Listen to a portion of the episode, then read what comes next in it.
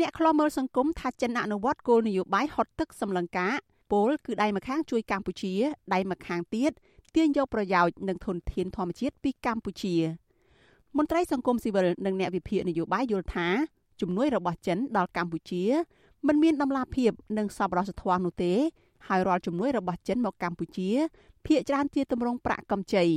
លើសពីនេះជំនួយរបស់ចិនមិនភ្ជាប់នៅលក្ខខណ្ឌអរដ្ឋាភិបាលកម្ពុជាគោរពសិទ្ធិមនុស្ស និងមិនខ្វល់ពីអភិបាលកិច្ចល្អដូចជាការផ្តល់ជំនួយពីប្រទេសលោកខាងសេរីនោះឡើយស្ថានទូតចិនកាលពីដើមខែឧសភាបានចេញផ្សាយលិខិតចំហមួយក្នុងគេហទំព័ររបស់ខ្លួនថារដ្ឋាភិបាលចិន ដែលកំពុងអនុវត្តយុទ្ធនាការកាត់បន្ថយភាពក្រីក្រនៅកម្ពុជា មានមូលដ្ឋានច្បាស់លាស់ដើម្បីរួមចំណែកជួយប្រជាជនកម្ពុជាឲ្យមានជីវភាពសេដ្ឋកិច្ចនិងសិទ្ធិមនុស្សល្អប្រសើរឡើង ប្រធានក្រុមប្រឹក្សាឃ្លាំមើលកម្ពុជានិងជាប្រធានក្រុមប្រឹក្សាពិបាលចលនានិស្សិតដើម្បីលទ្ធិប្រជាធិបតេយ្យកម្ពុជា ដែលកំពុងរស់នៅប្រទេសណ័រវេសលោកម៉ែនណាតផ្ដល់ទស្សនៈថា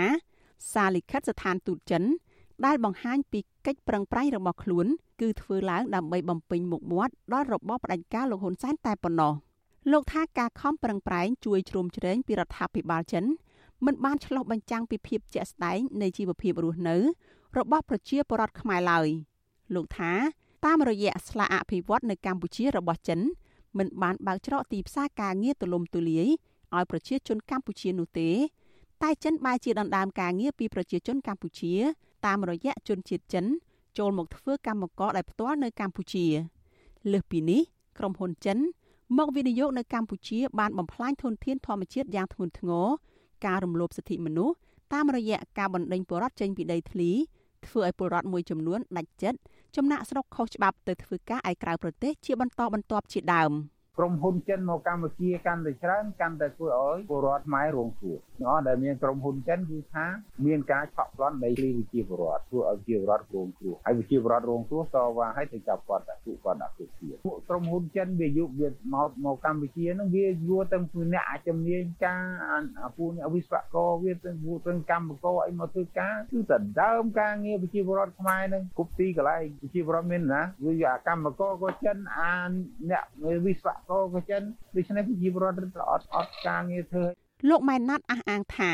ការជួយពីប្រទេសចិនមិនបានផ្ដោតលើការលើកកម្ពស់ជីវភាពរបស់ប្រជាជនឲ្យប្រសើរនោះទេប៉ុន្តែ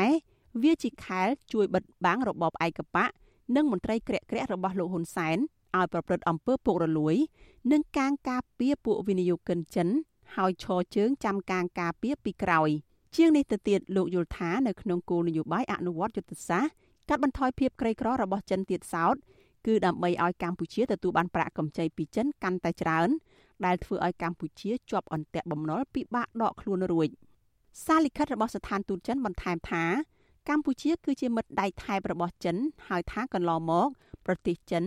បានជួយស្ដារសេដ្ឋកិច្ចកម្ពុជាជីវភាពប្រជាជនតាមរយៈការកែលម្អផ្លូវនៅជនបទផ្គត់ផ្គង់ទឹកស្អាត ជួយជួសជុលផ្លូវ25ខ្សែ នៅក្នុងខេត្តចំនួន8ដែលមានប្រវែងសរុប3000គីឡូម៉ែត្រនិងបានជីកអណ្ដូងជិត2000កន្លែង និងស្រះទឹក ជាង100កន្លែងដល់ខេត្តចំនួន13ជាងនេះទៅទៀតកាលពីដើមខែមេសាឆ្នាំ2021គម្រោងភូមិគំរូមិត្តភាពចិនកម្ពុជាចាប់ផ្ដើមដំណើរការជាផ្លូវការនៅក្នុងស្រុកបន្ទាយខេត្តតាកែវជាការប្រួយផ្ដើមរួមគ្នាដោយមូលនិធិ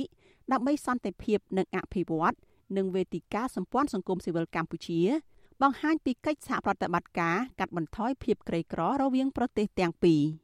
ទោះជាយ៉ាងណាប្រធានសមាគមប្រជាធិបតេយ្យឯករាជ្យនៃសេដ្ឋកិច្ចក្រៅប្រព័ន្ធលោកវុនពៅលើកឡើងថា ការចូលរួមចំណែកកាត់បន្ថយភាពក្រីក្ររបស់ចិន តាមរយៈការបង្កើតរោងចក្រសហគ្រាសតូចធំ វិស័យលបែងកាស៊ីណូសំណង់ជាចំណែកមួយផ្នែកជួយឲ្យប្រជាពលរដ្ឋទទួលបានការងារធ្វើប៉ុន្តែលោកមិនអាចសន្និដ្ឋានថាប្រជាជន មានជីវភាពធូរធារនៅឡើយទេ ព្រោះលោកសង្កេតឃើញថា កម្មករកម្មការនីខ្មែរច្រើនពាន់នាក់ដែលធ្វើការឲ្យក្រុមហ៊ុនចិនមិនទាន់មានប្រាក់ឈ្នួលសមរម្យក្នុងការចំណាយលើជីវភាពរស់នៅរបស់ពួកគេហើយក្រុមហ៊ុនចិនទៀតសោតបង្ខំឲ្យកម្មករខ្មែរធ្វើការច្រើនម៉ោងប៉ុន្តែទទួលបានប្រាក់ខែតិចជាងការបញ្ចេញកម្លាំងរបស់ពួកគេ តាមបណ្ដារោងចក្រសហគ្រាសក្រណាវិស័យកាត់ដេរវាចូលចិត្តមួយលាននេះហើយអាហ្នឹងវាជាចំណែកមួយនៃការចូលរួមផ្នែកសេដ្ឋកិច្ចជាតិធ្វើឲ្យប្រជាពលរដ្ឋមានការងារធ្វើមានប្រាក់ខែដើម្បីរស់តែខ្ញុំមិនទាន់ឯកភាពថាប្រសើរឬមិនប្រសើរសម្រាប់ជីវភាពកម្មករទាំងអស់នឹងឡើយទេដោយយើងមើលឃើញជាក់ស្ដែងយើងឃើញថាប្រាក់ឈ្នួលរបស់កម្មករមិនទាន់មានលក្ខណៈស្តង់ដារដែលគាត់អាចរស់នៅសមរម្យនៅឡើយស្របទៅតាមការចំណាយចាយជាចាំថ្ងៃរបស់គាត់ទេអញ្ចឹងការមើលឃើញរបស់ខ្ញុំគិតថាវាគ្រាន់តែចូលរួមចំណែកក្នុងការធ្វើឲ្យប្រជាពលរដ្ឋខ្មែរមានការងារធ្វើបំណុះទោះជាយ៉ាងណាក្តីលោកហ៊ុនសែនតែងតែបង្ហាញគោលជំហរការពាររបបលទ្ធិកុម្មុយនីសចិនថាជាអ្នកមានគុណដ៏ធំធេងលើកម្ពុជាក្នុងការអភិវឌ្ឍប្រទេសជាតិផ្នែកហេដ្ឋារចនាសម្ព័ន្ធប្រព័ន្ធធារាសាស្ត្រស្ពាន និងកែប្រែជីវភាពរស់នៅរបស់ប្រជាជនឲ្យកាន់តែប្រសើរថ្មីថ្មីនេះលោកហ៊ុនសែនបានថ្លែងនៅក្នុងសន្និសីទអន្តរជាតិលើកទី26ស្ដីពីអនាគតអាស៊ី ថាចិនគឺជាអ្នករួមចំណែកយ៉ាងសំខាន់ក្នុងការអភិវឌ្ឍប្រព័ន្ធសេដ្ឋកិច្ចនៅកម្ពុជាស្ពានទាំងឡាយនៅតាមដងទន្លេមេគង្គតាមទន្លេសាបតាមទន្លេប្រសាគឺសុទ្ធតែស្ពានចិនកសាងទាំងអស់យើងខ្ញុំទៅបានចំនួនផ្លូវជាង3000គីឡូម៉ែត្រគឺចិនជួយទាំងអស់អញ្ចឹងសូមតាំងជាសំណួរថាបើសិនជាកុំមានជំនួយរបស់ចិនតើយើងខ្ញុំ គួរទៅពឹងអ្នកណាគេអាចឆ្លើយតើពិភពលោកនេះអាចឆ្លើយជាមួយនឹងកម្ពុជាបាននៅសំណួរនេះទេចំណែកអ្នកតំណាងរាជគណៈបកសង្គ្រោះជាតិលោកអ៊ុំសំអានមើលឃើញថាក្រុមហ៊ុនចិននៅកម្ពុជា បង្កើតការងារមួយចំនួនប៉ុន្តែក្រុមហ៊ុនចិនផ្ដល់ឱកាសអភិវឌ្ឍជំនាញដល់ពលករខ្មែរតិចតួចបំផុតលើសពីនេះឧស្សាហកម្មដែលត្រួតត្រាដោយក្រុមហ៊ុនចិននៅកម្ពុជាដូចជាការផលិតសម្លៀកបំពាក់ផ្នែកហេដ្ឋារចនាសម្ព័ន្ធនិងសំណង់អាគារ មានភាពផុយស្រួយគ្មាននិរន្តរភាពឡើយចិនមានអធិពលនយោបាយមកលើកម្ពុជាផងដែរហើយដូច្នេះហើយបានជាលោកហ៊ុនសែនគាត់អនុវត្តតាមនយោបាយកុម្មុយនីសរបស់ចិនហ្នឹងគឺគាត់កាន់អំណាចផ្ដាច់ការនៅកម្ពុជាដោយសារការប្រតិបត្តិពលតាមរបៀបកុម្មុយនីសរបស់ចិនណាផ្សេងកុម្មុយចិនហ្នឹងតែ ម្ដងគឺមកជជឈាមប្រជាបរតម៉ែមករំលោភយកដីប្រជាបរតម៉ែតាមរយៈកុម្មុយចិនហ្នឹងហើយនឹងបំផ្លិចបំផ្លាញធនធានធម្មជាតិនៅកម្ពុជាផងដែរមន្ត្រីសង្គមស៊ីវិលនិងអ្នកវិភាគនយោបាយព្រួយបារម្ភថាការពឹងផ្អែកលើកម្ចីឥណទានចិន កម្ពុជាប្រឈមនឹងហានិភ័យខ្ពស់នៃការជាប់អន្ទាក់បំណុលចិនជំនួយនឹងការវិនិយោគចិននៅកម្ពុជាខ្វះដំណាភាពនិងគណនេយ្យភាព ដែលជាការរួមចំណែកដល់ការរីករាលដាលនៃអំពើពុករលួយចំណែករឿងលើកកម្ពស់សិទ្ធិមនុស្សស្ដារប្រជាធិបតេយ្យនិងភាពហិនហោចនៃធនធានធម្មជាតិវិញចិនពុំបានខ្វល់ខ្វាយទាល់តែសោះឧទាហរណ៍ជាក់ស្ដែងក្រុមហ៊ុនរបស់រដ្ឋអំណាចចិនឈ្មោះថា Union Development Group បានឈូសឆាយព្រៃចំនួន36,000ហិកតា នៅក្នុងតំបន់ឧស្សាហជាតិធំជាងគេ នៅស្រុកបទុមសាគរខេត្តកោះកុងសម្រាប់ធ្វើជាតំបន់ពាណិជ្ជកម្មនិងរមណីយដ្ឋានទេសចរ ដែលធ្វើឲ្យប៉ះពាល់ផ្ទះសម្បែងដីធ្លីនិងជីវភាពរស់នៅរបស់ប្រជាកសិករខ្មែររាប់រយគ្រួសារនៅតំបន់នោះលើសពីនេះ